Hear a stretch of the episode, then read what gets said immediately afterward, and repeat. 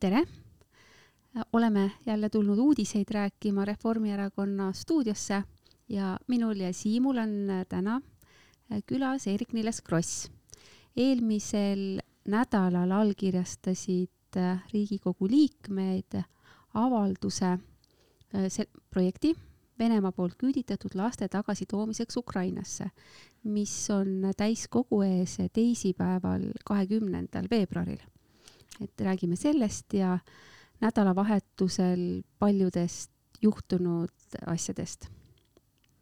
ma tean, et väliskomisjon seda eelnõu valmistas ette Venemaa poolt küüditatud laste tagasitoomiseks Ukrainasse et miks ta just äh, sellesse nädalasse jõudis või mis need tagamaad olid seal?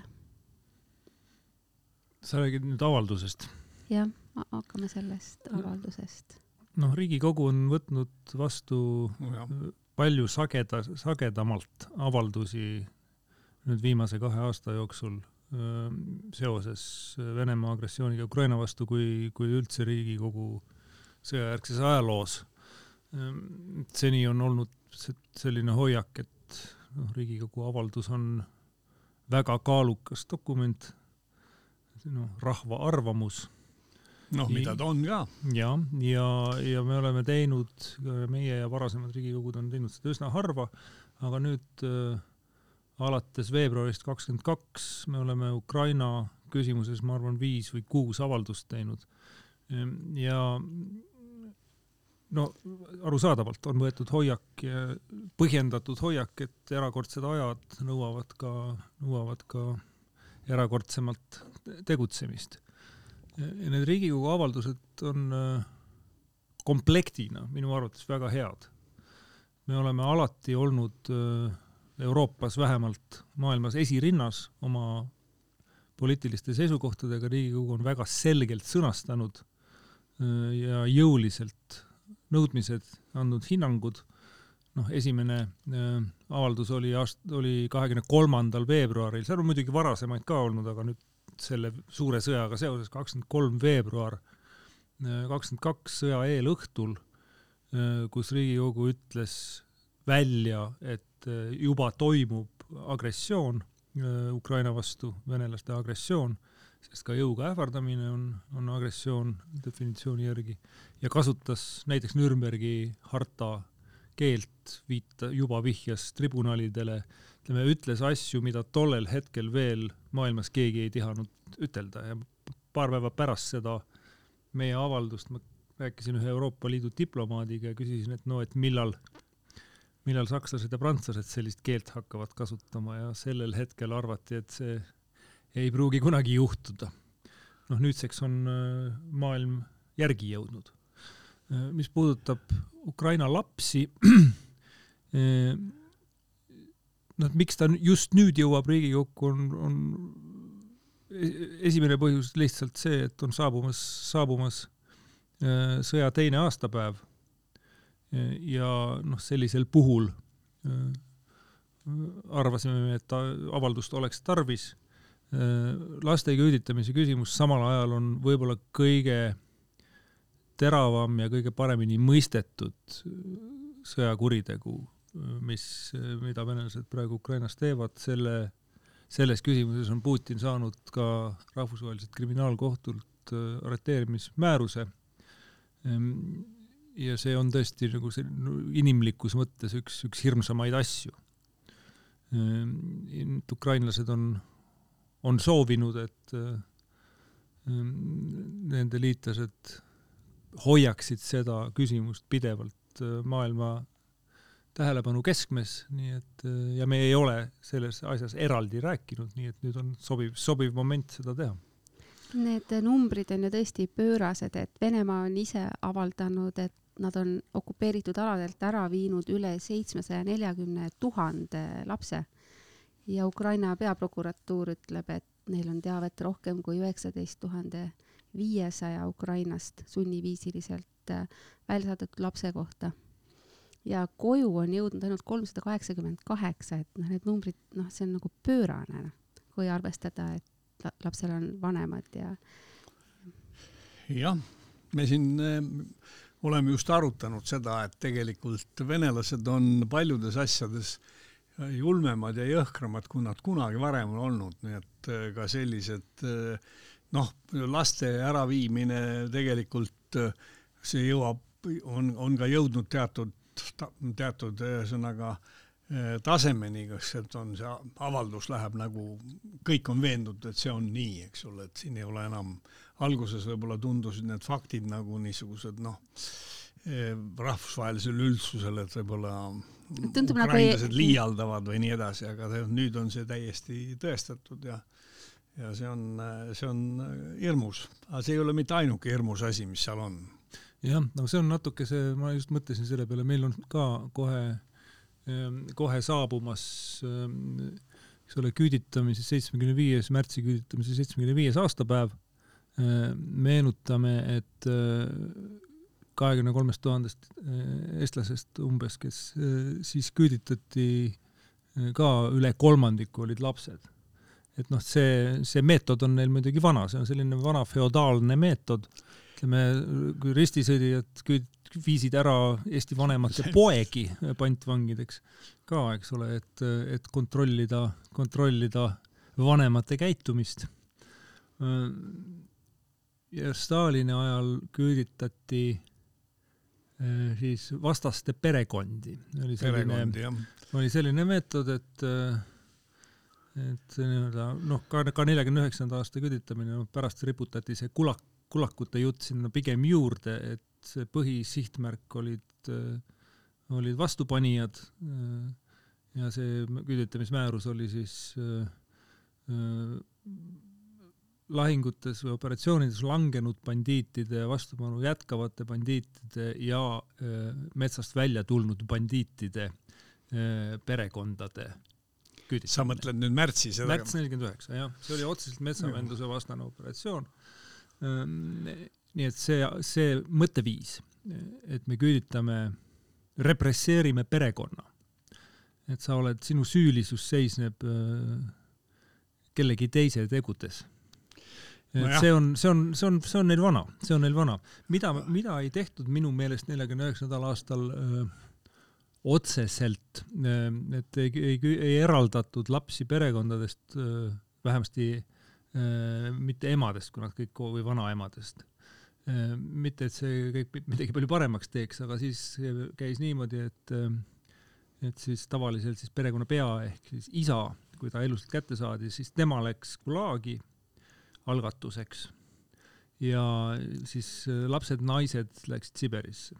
pärast saadeti kui vangilaager oli ära tehtud ja perekond veel elus oli, saadeti isad järgi.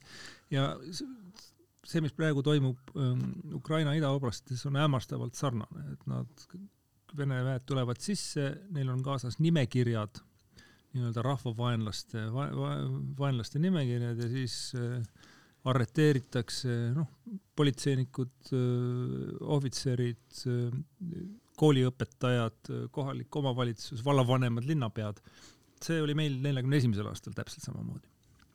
Aga see märtsi küüditamise koha pealt ju sa rääkisid lihtsalt selle loo, mille minu naise perekond kõik läbi elas, nii et äh, minu äh, abikaasa Kristi oli kuuekuune, kui ta, kui ta küüditati. Ja, ja teadaolevalt oli ta, oli ta nagu suurusjärk kolm või võib-olla natuke rohkem number lapsi, kes ellu jäid. Selles vanuses, alla aastastest lastest, kes ellu jäid ja nemad viidi ka ema ja vanaemaga koos viidi sinna eh, Hakassiasse eh, ja eh, Siberisse ja siis isa ja vanaisa olid Vorkutas, nii et olid, aga nemad küll ei olnud, ei, ei, ei tea, et nad oleks metsavendadega pistmist olnud, aga nad olid kohalik niisugused noh, ütleme vanaisa oli vabrikus ülemus ja, ja aga nende peale kaevati, seda nad teavad, et nende peale kaevati ja nad kellelegi jäid jalgu, nii et et äh, see,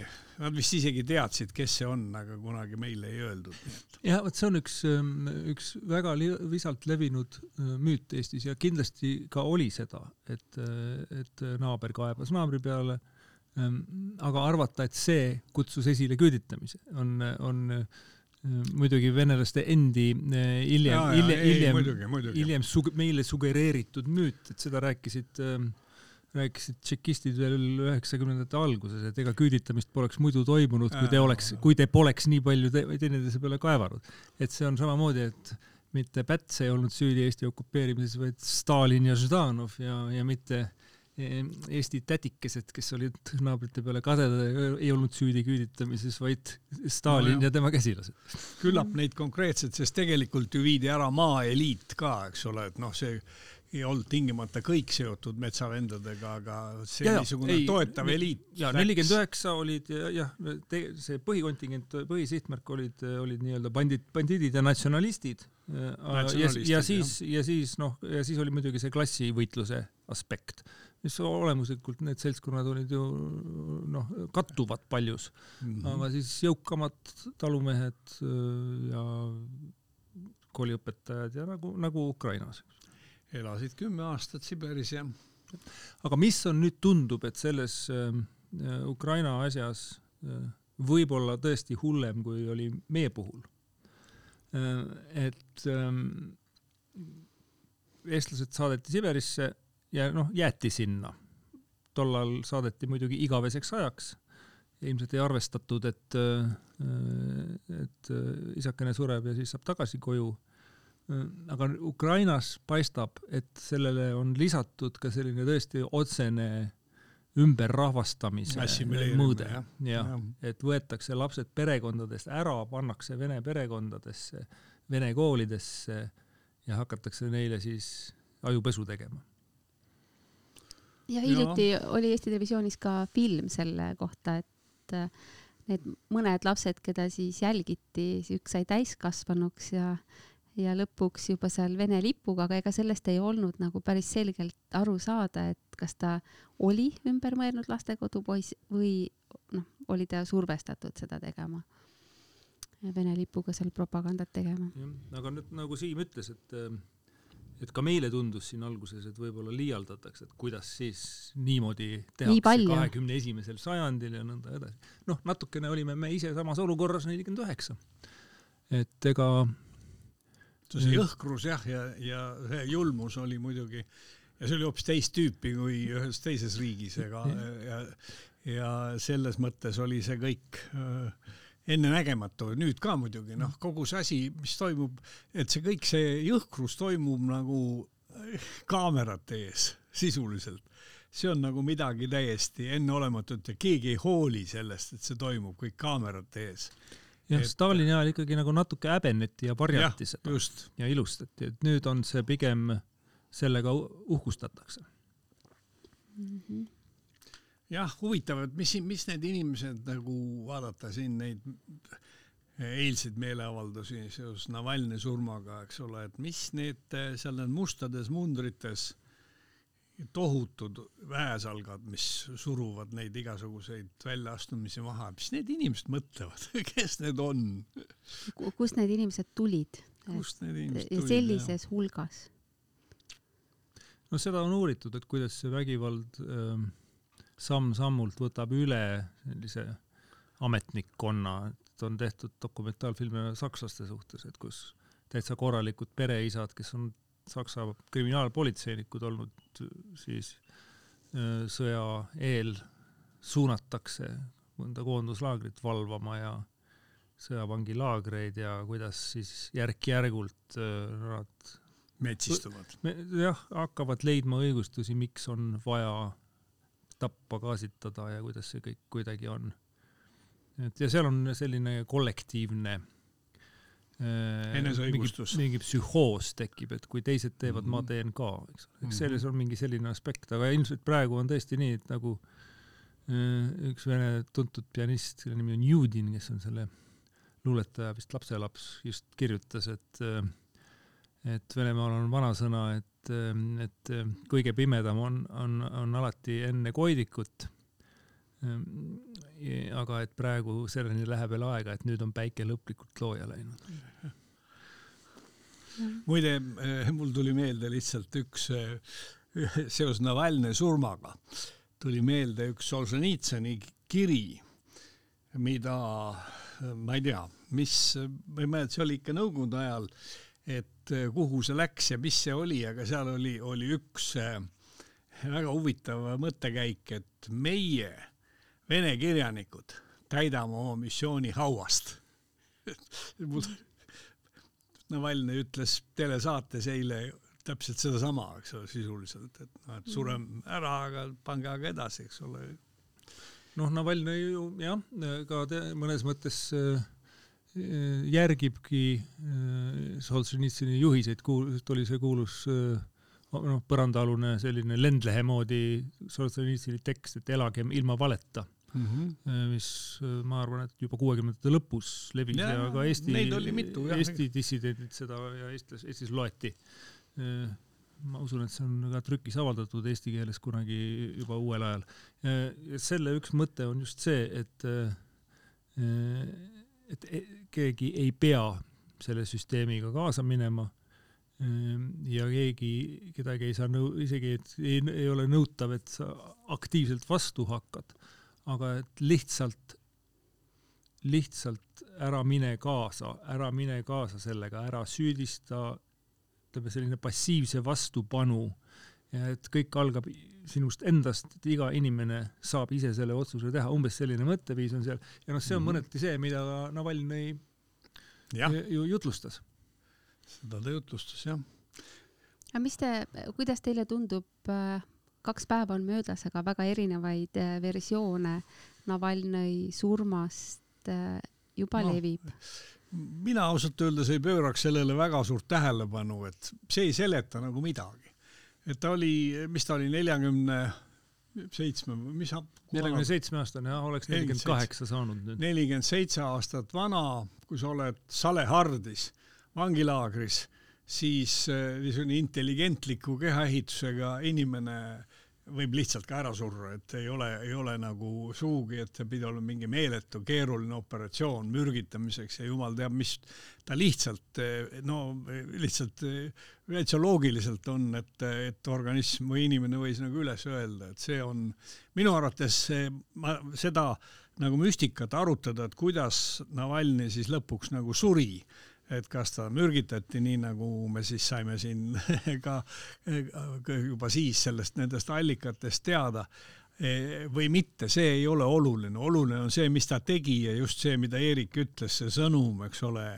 et aga üks huvitav küsimus on, et kas keegi võtab selle e, kuidagiviisi sõnumi üles või mitte, kas see nagu mõjub, noh jälle ütleme, mina kui nõukogudeaegne inimene, eks ole, ütlen, et äh, nõukogude ajal ju noh, oli ka väga tugev tsensuur ja, ja, ja, ja kõik, aga ometi info liikus, info liikus ja, ja, ja noh, jälle ütlen seda, et, et omal ajal meie suhtusime ikka väga suure eh, ootusega Tšehhoslovakkias nendesse muutustesse kuuskümmend kaheksa, mis kestis ainult mõni kuu, eks ole.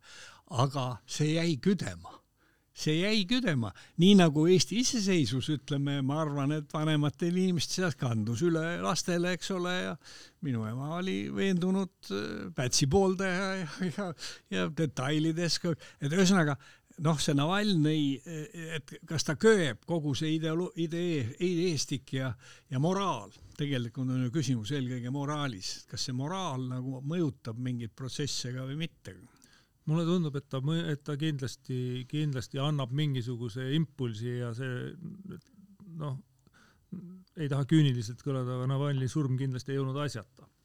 et, et juba praegu on tunda ka, ka noh, ise, isegi meie venelaste seas ja, ja eksiilis olevate venelaste seas ja kindlasti see, see sõnum Venemaal liigub, sest Navalnõi oli ju ikkagi võimeline ka kõige jõhkrama tsensuuri ajal oma sõnumit miljonitele edastama. tema videosid vaadati, no et see kindlasti, see kindlasti töötab. ja ma olen nõus sellega, et see ei ole võib-olla noh, et võib-olla Putin tahabki, et me arutaksime, et kuidas ta täpselt selle Navalnõi ära tappis.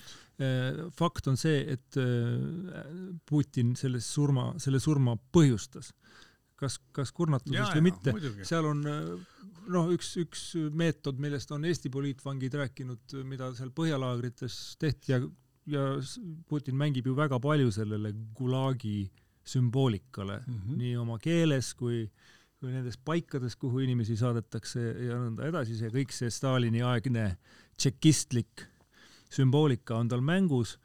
see koht ise, see Salehard mille seal kõrval oli, see, seal kohe seal kõrval, see laagrikoht on tegelikult Karp. see asub seal kuulsal Salehardi Girka raudteel, mida hakati Stalini ajal ehitama Gulagi vangide poolt seal nelikümmend üheksa, viiskümmend umbes, see oli üks täiesti idiootne ja mõttetu üle projekt. jah, üle niimoodi ja. idast läände, tuhat kakssada kilomeetrit. suur osa ehitati valmis, see kunagi õieti kasutusse ei läinud, selle ehituse käigus suri tuhandeid vange ja kõik need laa-, kõik need ka meile tuntud laagrid on sealsamas kõrval, see, et see on noh, see on muide seal Salehardis oli ka Leon Trotski, nii et see on üks selline väga ja, vana sümboolne koht.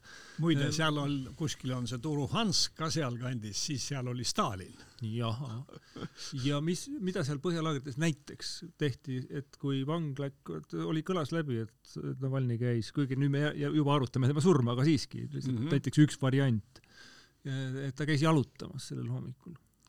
ja mida laagritest vähemasti Stalini ajal tehti, oli see, et kui kellestki oli vaja vabaneda, muidugi kõige lihtsam oli lihtsalt lasta mõnel, mõnel platnoil maha lüüa. kruvikeelega torgata. aga äh, lasti jalutama ja unustati õue ja kui seal on miinus viiskümmend, siis äh, piisab poolest tunnist mm. -hmm. aga just see veel, et äh, tagasi tulles veel sellele, et, et äh, selline nagu ütleme oli nagu kangelane ja hukkus. et äh, see peaks nagu, võiks nagu osas ühiskonnas tekitada sellise süütunde, et noh, me, me lasksime, me ei suutnud teda hoida, et me ei lasksime ta, ta nagu kõrvaldada, ära tappa ja, ja noh, kas ei teki siis mingisugust moraalset niisugust süütunnet, mis siis äh, tähendab seda, et ma enam seda Putini režiimi nagu ei, ega ei innukalt ei toeta, nii võib olla ju. jah, ma usun, et neid, neid, kes Putini režiimi ei toeta, vähemasti oma passiivsel moel, on oluliselt rohkem, kui, kui need ametlikud arvamusküsitlused näitavad, et ega kui no. keegi helistab sulle, ütleb, et me helistame helistame uuringufirmast härra seltsimees härra Petrov aadressil see ja see, kelle lapsed käivad seal ja seal koolis, mida te arvate Putini režiimist, siis ja. võib arvata, mida vastatakse. aga noh, see võtab, vot meil Äh, võttis võib-olla ka terve põlvkonna aega, kui see Stalini-aegne hirm ära läks, noh, see viiekümnendate hirm läks ära, et siis kaheksakümnendatel äh, noh, need sõnad ja mõtted tulid ridade vahelt, hakati järjest rohkem avalikult rääkima, siis kõik vaatasid üksteise otsa, midagi ei juhtunud, järgmine päev räägiti rohkem. et järsku see, et uus põlvkond sai nagu täiskasvanuks nagu, kellel ei olnud seda hirmu nii suurt. praegu Venemaal kahjuks see, see suundumus on täpselt vastupidine. et kui meil kaheksakümnendatel, eriti teises pooles leebus pigem, leebus, me, et me, me kogu aeg kompasime piire ja, ja jälle nagu sa ütled, astus, said, said veel midagi rohkem teha ja ikka midagi ei juhtunud. siis täna Venemaal on vastupidi, et praegu saab seal Facebookis valele postitusele tehtud like'i eest kolmeks aastaks vangi minna. et noh, sellist asja meie põlvkond ei ole näinud ka mhm. või need, kes veel Nõukogude Liitu mäletavad, et see on tõesti selline ei ole, ma ütlen, et see on jõhkram, jõhkram kui tolleaegne, see jälitussüsteem on jõhkram, moodsam mm, efektiivsem ka. efektiivsem, jah. ja mis on muidugi teisiti praegu, on see, et ei ole tõesti sellist miljonitesse ulatuvat poliitvangide kontingenti. Stalini ajal, noh, see oli omaette majandusharu, kõik need põhja arendusprojektid ehitati vangide poolt ja, ja, ja Gulag oli noh, need olid miljonid ja miljonid, kes istusid kinni. noh, praegu ulatub see poliitvangide, poliitvangide seltskond mõne tuhandeni, aga mitte palju rohkem. mis on nagu piisk meres võrreldes nüüd Venemaa rahvaarvuga. aga kui nüüd äh, natuke teemaga minna edasi seda liini pidi, et Siim ütles, et, et kas Venemaal venemaalastel jääb selline moraalne süütunne, et me lasime sellel juhtuda, et me lasime surra. et ka meil äh, siin, kes me elame vabas maailmas ja, ja siiski väga heaolu, kõrge heaolu tasemega ühiskonnas lääne pool, ikkagi lau-, nädalavahetusel toimus Müncheni konverents ja tehti kokkuvõtteid viimase kahe aasta Ukraina abistamisest ja selgub ikkagi, et sellest abist, mida riigid on lubanud võitluses Putini režiimiga Ukrainasse saata, on umbes kolmandik äh, kohale jõudnud ja hoopis muud pinged juba tekivad meie riikides. demokraatia on on nagu ta on jah, ei no ma ei, ma siiski Münchenit muidugi jälgisin ka üsna, üsna detailselt, et tegelikult äh, ma nagu mingit väga suurt ei tea, mis äh, niisugust kella ei lööks, sest et põhimõtteliselt see oli väga ratsionaalne, seal arutati asja, et noh, asjad ei ole nii hästi, kui olla võiks. Ja, ja tunnistati seda, neid ütleme, puudus, puudus mingisugune niisugune äh, Eh, niisugune noh, pioneerlik selline eh, selline hoiak, et homme, nii nagu Eesti kommentaatorid muuseas ütlesid eh, kahe tuhande kahekümne teise aasta, et oktoobris on sõda läbi, eks ole, puudus, puudus selline optimism, mis, mis mind alati õudselt ärritas, et, et noh, et see ei saa ju nii lihtne olla. noh, mingil moel on seal nüüd niisugune realism, ma ütleksin, et seal või tund-, mina, no okei okay,, ma vaatasin võib-olla, võib-olla nagu oma vaatevinklist, aga et seal ikkagi noh, inimesed ja juhtivad inimesed nagu seisid nagu realistlikel positsioonidel, noh, mis teha? Nüüd, Ameerika on, eks ole, sisepoliitika otsustab, igal pool otsustab sisepoliitika ja kui teistpidi võtta, siis Saksamaa, kui palju on Saksamaa tegelikult muutunud, eks ole, niimoodi selle põhimõttelise kontseptsiooni, et Saksamaa mitte kunagi enam ei võta osa mingist äh, sõjast, eks ole, nüüd on Saksamaa kõige innukam äh, Euroopa riikides, kõige innukam Ukraina aitaja. et noh inimesed saavad kokku, arutavad, vaatavad realistlikult, mis toimub, vaatavad, mis on võimalik teha ja kui jälle ajalukku vaadata, siis on see demokraatlikel riikidel eh, tihti, et alguses ei saa kuidagi minema, aga siis pärast ikka on neid ressursse tegelikult ju nii palju rohkem, kui sa lööd kas või elanike arvu kokku, GDP-d, kaitse-eelarve on siis, kui ta veel oli ammu enne sõda, oli Euroopa kaitse-eelarvete juhtivate suurriikide kaitse-eelarve kuskil pealt kahesaja miljardi, mis oli nagu Venemaast kolm korda rohkem niikuinii juba siis, eks ole, nii et noh, seda, see ressurss peab ükskord lõpuks ikkagi mõjuma.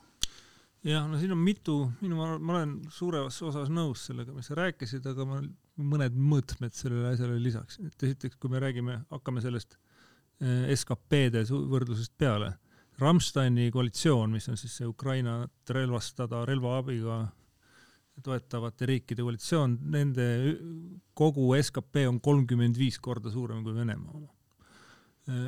Nad, kui iga riik, venelased kulutavad praegu sada miljardit aastas selle sõja peale. ja lääs on kulutanud noh, umbes tempos viiskümmend miljardit. hea küll, lääne tehnika ja relvastus on paremad tehnoloogiliselt, ütleme, ei ole võib-olla, võib-olla need mahud ei peagi olema nii suured kui venelastel omad ja venelastel on, eks ole, ka ju äh, sõdurid ja, ja nad, no see kogu, kogu majandus sisuliselt suunatud sinna peale. Äh, et, et aga ikkagi, et, et see, siit tuleb see proportsioon välja, et, et Eesti Kaitseministeerium on välja arvutanud, et kui need liitlasriigid igaüks annaks null koma kakskümmend viis protsenti SKP-st aastas Ukraina abistamiseks, siis sellega oleks see sõda võidetav, noh, mitte täna, mitte, mitte sel aastal ehk, aga mõne aasta jooksul. ja, ja Eesti ise on minu arvates ju otsustanud, et null koma kakskümmend viis protsenti SKP-st äh, Ukrainat aidatakse. jah, nüüd äh, kui, kui, kui vaadata seda, eks ole, et äh, lubati, et, et on tõsi, et on lubatud rohkem, kui on suudetud tegelikult realiseerida. siis osaliselt tuleb see sellest, et on, et ei ole surmahirmu, kaugematel suurematel lääneriikidel ei ole surmahirmu, erinevalt nendest Vene piiririikidest või ja erinevalt teisest maailmasõjast. ohutaju on, on teine. ja, ja teine asi on, et Euroopa ja siin on võib-olla isegi Trumpil õigus, et, et et Euroopa on lasknud liugu oma julgeoleku äh, asjas ameeriklaste kukil teisest ilmasõjast saadik. aga selles on- selles on muidugi ka, eks, ameeriklaste enda huvi olnud, see on selline sünergia, aga tegelikult on nii, et ameeriklased on maksnud kinni Saksa julgeoleku, natukene vastu tahtmist prantslastele ka prantslaste julgeoleku ja nõnda edasi. Noh, Saksamaa oli peale teist maailmasõda ikkagi suhteliselt äh, noh, sellises äh, ütleme, ta kannatas ikka pikalt sõjasüü all ka. no Ja- jaa, aga seda oli, no õigu-, õigusega Õigus- kannatas, õigusega aga, aga kannatas. Saksamaad ehitati üles poliitiliselt ju liitlaste poolt ja liitlaste suurte abidega eh, sellisel viisil, et alguses ei olnud üldse ette nähtud Saksamaal mingit sõjaväge. ja neil on see, see mentaalne muudatus nüüd on tõesti ja. nagu viimase, tohutu. viimase kahe aastaga minu arvates on Saksamaa on otsustanud, et ta nüüd räägib Saksa kaitseminister ise, et on, Saksamaa peab olema, eks, see saksa keele termin on kriegstüchtig, mis on umbes siis mitte sõja, ainult sõjaks valmis, vaid mitte ainult võimeline, vaid ka, ka sõdimisvalmis. see on see külma sõja aegne hoiak, et me, kui vaja, me sõdime täna õhtul. ja noh, seda hakkab vaikselt tulema, me Euroopa on suure sammu teinud, aga me ei ole kaugeltki veel nii et kaks tuhat neliteist, kui Krimm annekteeriti venelaste poolt, siis otsustas NATO, kõik riigid andsid lubaduse, et aastaks kakskümmend neli, kümne aastaga on kõik NATO riigid kahe protsendi peal SKP-st kaitsekulusid. täna on praeguse seisuga neid riike kaheksateist. kaheksateist, jah. et pisut üle poole. et ja on palju riike, ka suuri riike, kes ei ole ikka sinna veel läinud. Kaasa arvatud Saksamaa muidugi, aga noh, Saksamaal on lihtsalt see volüüm on nii suur, et selleni annab jõuda, sest sul on see sisepoliitika selja taga. aga see hakkab, see, see võtab, see võtab hoogu, aga muidugi, muidugi liiga aeglaselt ja siin ongi nüüd nagu kaks jälle, need tempod peaksid olema, üks asi on see, et Ukraina vajab neid asju kohe mm. -hmm. Euroopal on ehk tänu, ka osaliselt tänu Ukrainale veel natukene aega. sakslased on pannud käima mitme moonatehase ehituse ja kõik see vaikselt toimub.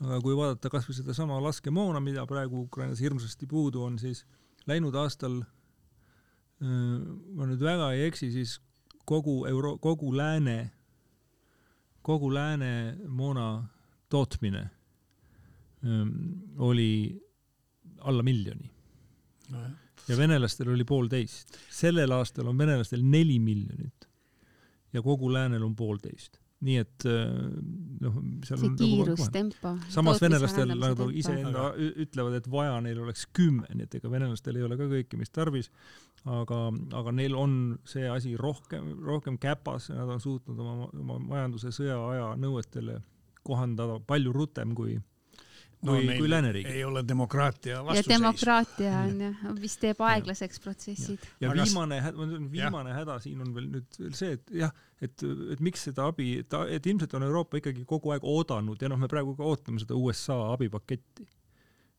ja et ja nüüd, ja nüüd kõigi ehmatuseks ja üllatuseks see ikkagi on takerdunud ja nüüd, nüüd, nüüd alles ja see võib-olla ei olegi paha, et nüüd alles hakatakse tõsiselt mõtlema, et, et mis me siis nüüd teeme, kui Ameerikas, Ameerikast äkki ei tulegi enam. Tšehhid tulid nüüd välja, otsisid maailma pealt kokku, et neil on kaheksasada tuhat mürsku valmis vaadatud, et leitage, leidku raha ja ja, ja saadame ja nii edasi, nii et see hakkab ütleme, võet-, nüüd on võetud jalad kõhu alt välja viimaks.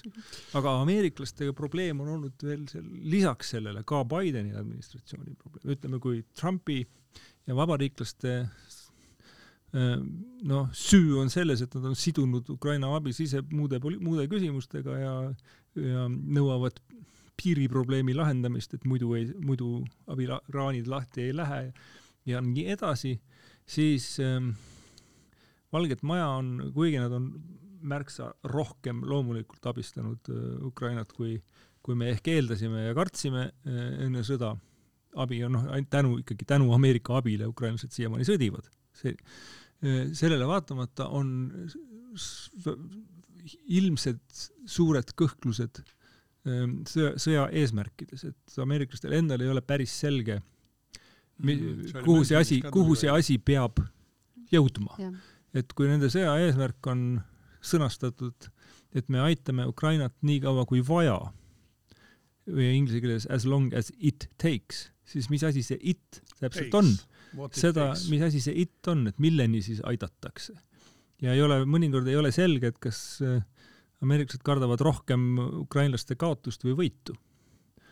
ja seal on, nagu me mäletame, üheksakümmend üks oli see suur mure Nõukogude Liidu lagunemise ajal, et, et mis siis saab, tuleb ebastabiilsus ja kelle kätte jäävad tuumarelvad ja kuidas me küll kontrollime kaost Venemaal ja parem oleks stabiilsus, et ärge siin muidugi, nagu ärge kõigutage paati, tuntud ütles. jumal hoidku, see oli ju meil hommikust õhtuni kuulsime seda. ja see loogika kahjuks on, on praegu ka, et ütleme, seal on ukrainlastele on algusest peale, et sa ütlesid, et et noh, jah, oktoobriks kakskümmend kaks ei oleks sõda võib-olla läbi saanud, aga aga, aga näiteks oktoobriks kakskümmend kolm, mine tea, kui algusest peale oleks sest seda ju tuli jah. nagu need purihambaid tõmmata välja, seda abi, eks ole, et ja. kõigepealt Äh, ei saanud anda tanke, ei saanud anda pikamaararakette, nüüd saab ainult kaheksakümne kilomeetri kaugele, kaugusele lendavaid, aga mitte kahesaja, sest võib-olla seal, võib-olla kui antakse kakssada kilomeetrit lendavaid rakette, siis äkki hakkab kolmas maailmasõda.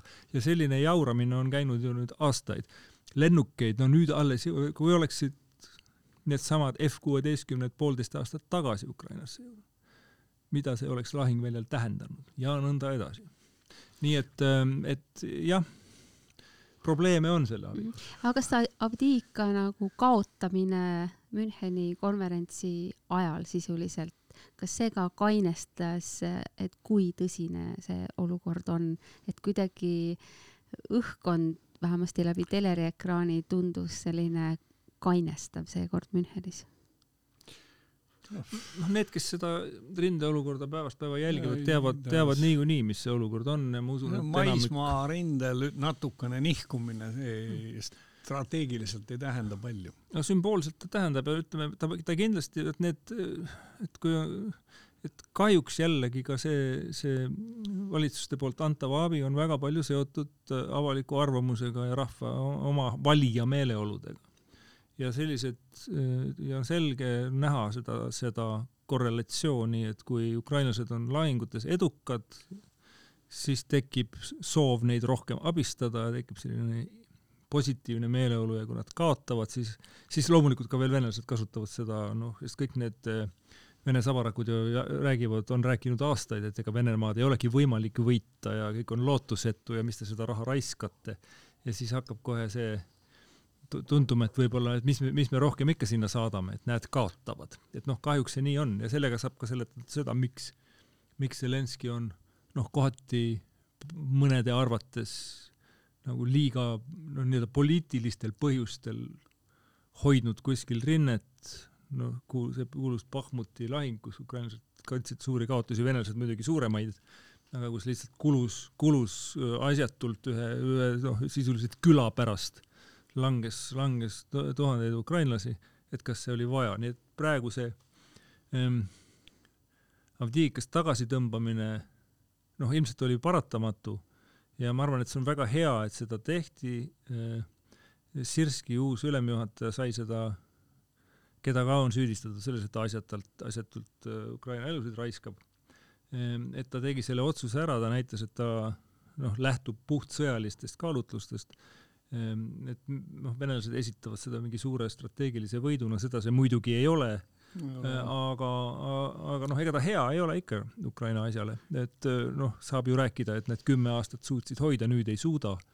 Ehm, nii et see praegu pole, pole siiski katastroof, aga, aga noh, hetkel on muidugi olukord väga-väga habras ja venelased ikkagi igal rindelõigul on mõned kilomeetrid liikunud siin viimastel nädalatel ja ukrainlastel selge on moonapuudus suur.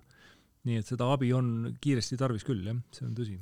omal ajal oli, oli, ajasin ma juttu ühe Eesti kaitseministriga, ütlesin, et miks ei ehitab meie endale, ei loo endale laskemoona tootmise võimekust. ta ütles, et see on absurdne idee, et seda ei ole, tehas toodab, aga seda vaja ei ole, eks ole, et mitte mingit, nüüd on vähe teistmoodi hakanud mõtlema, see on igal pool nii.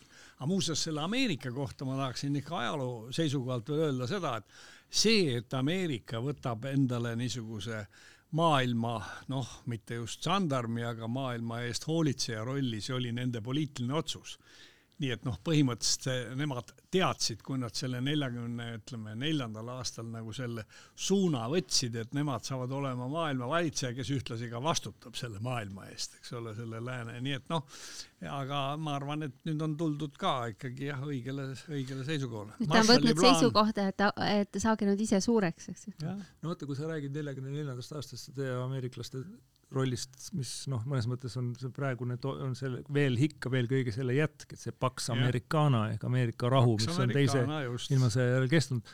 no see on küsimus, et kas see on nüüd läbi saanud või läbi saamas, et kas tuleb mingisugune uus maailmakorraldus, aga see ei ole mitte, mitte see, mis ma tahtsin öelda, et kui me räägime teisest ilmasõjast, siis ameeriklased liitusid pärast Pearl Harborit, eks ole, neljakümne esimese aasta sügisel ja siis toimus Churchill, Roosevelt ja kes seal veel kohtusid Casablancas Casablancas. oli siis noh, liitlaste mm -hmm. esimene konverents, kus siis plaaniti ühiseid sõjategevusi ja seal otsustati esiteks seda, et kuigi ameeriklasi oli rünnanud Jaapan ja laevad veel suitsesid seal Pearl Harboris, eks, siiski ameeriklased ütlesid, et noh, kõigepealt tuleb Euroopa, kõigepealt tuleb, tuleb minna Hitleri vastu ja, ja, ja eks noh, nad olid ka kandnud selleks ajaks ju liitlased, britid, nad olid kaotanud tohutuid territooriume, enamus Euroopat oli sakslaste poolt okupeeritud.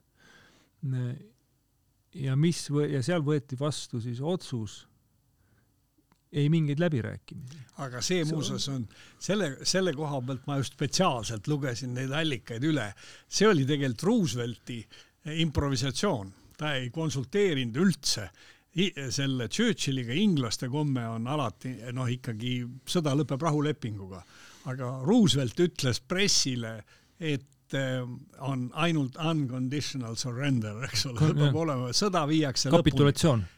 Tingimusteta see jahmatas tegelikult kõiki, kõiki ka neid liitlasi, vaid ja, ja see loomulikult ka sakslasi, eks ole, et selline nõue, sest maailmas on kaks sõda lõppenud Eh, tingimusteta kapitulatsiooniga on seal öeldud, üks on Teine maailmasõda ja teine oli Puunia sõda Hannibaliga.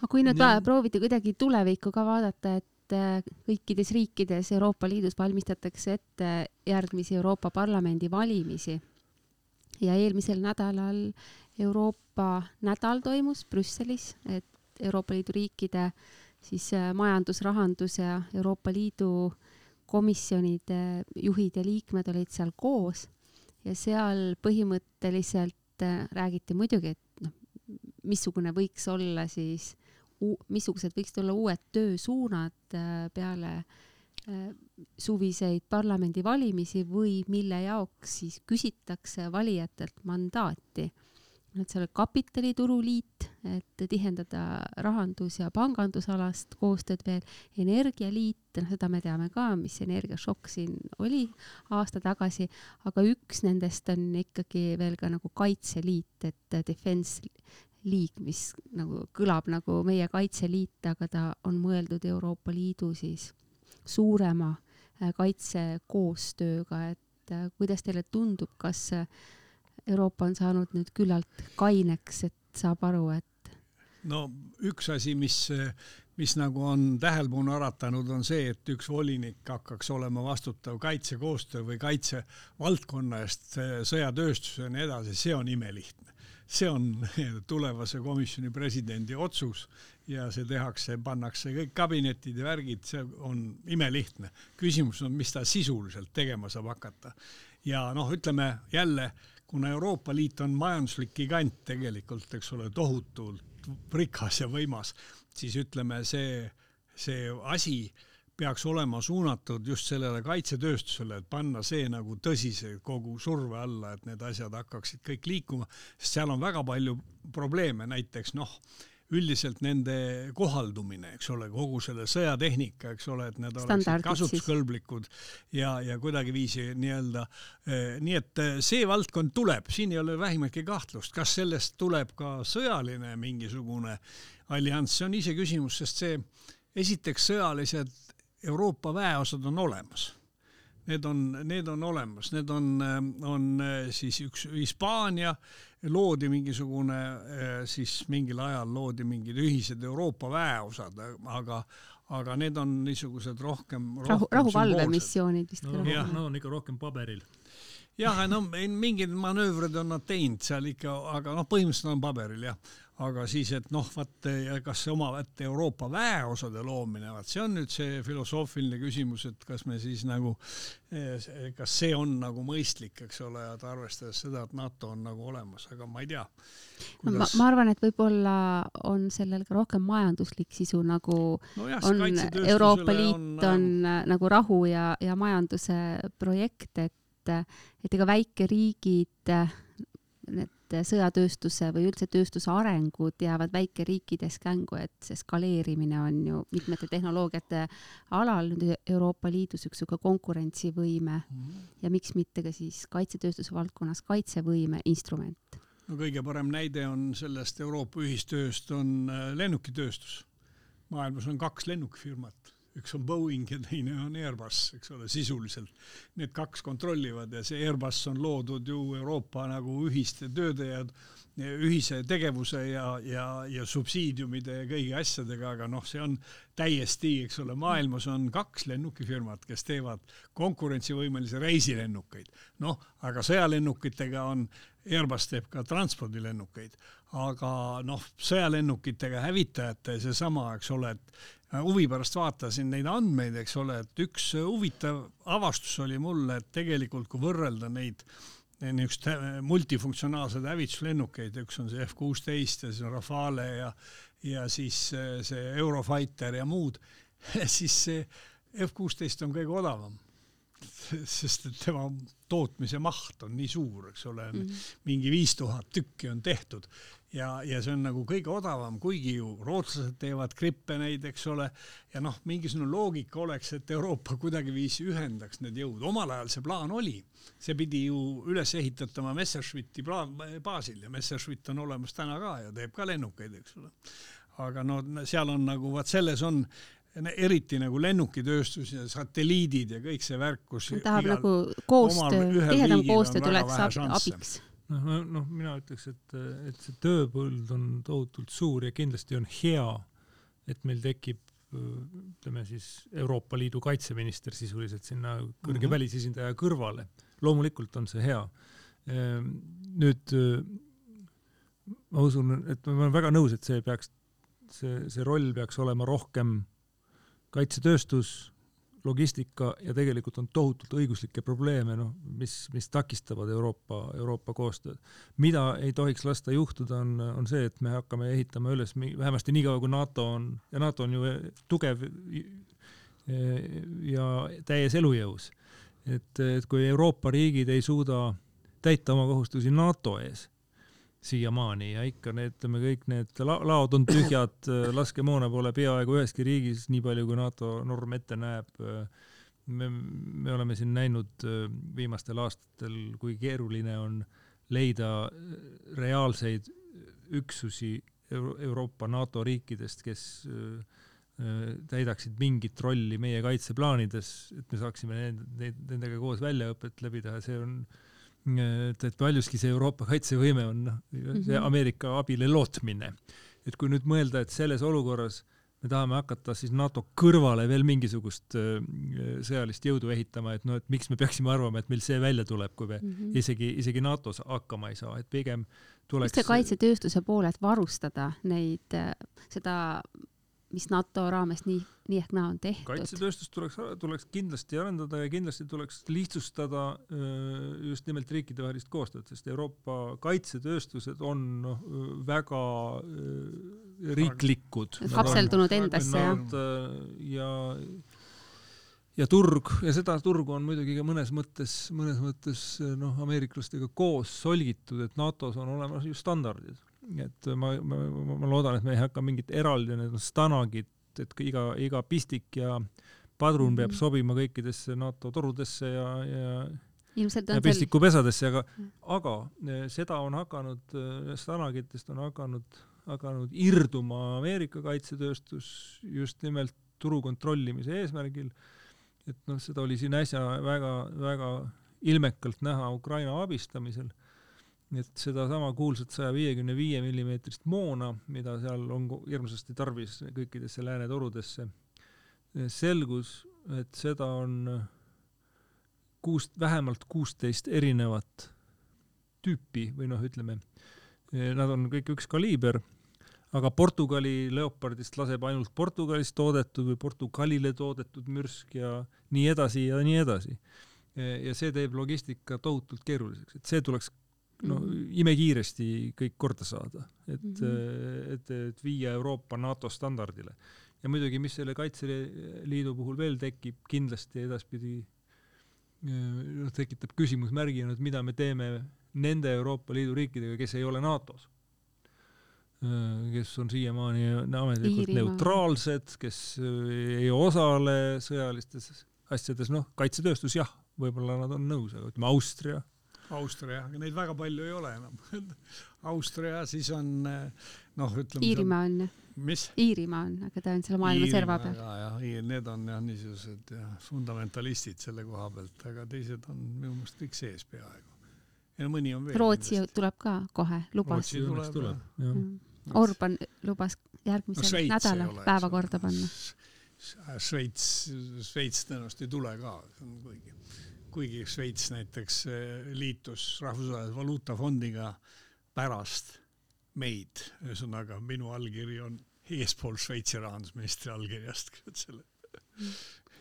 aga ma arvan, et siinkohal võime tänase saate äh, otsad kokku tõmmata. Läksime hoogu. Läksime hoogu nagu ikka ja vabariigi aastapäev kahjuks on niikaua, kui see sõda kestab, sõja alguse aastapäev samuti ja seetõttu me muretseme äh, kõik nii Ukraina laste pärast kui ka Venemaal toimuva pärast ja selles, kuidas Euroopa suudab ennast kaitsta ja Ukrainat toetada tema võidus. aitäh teile!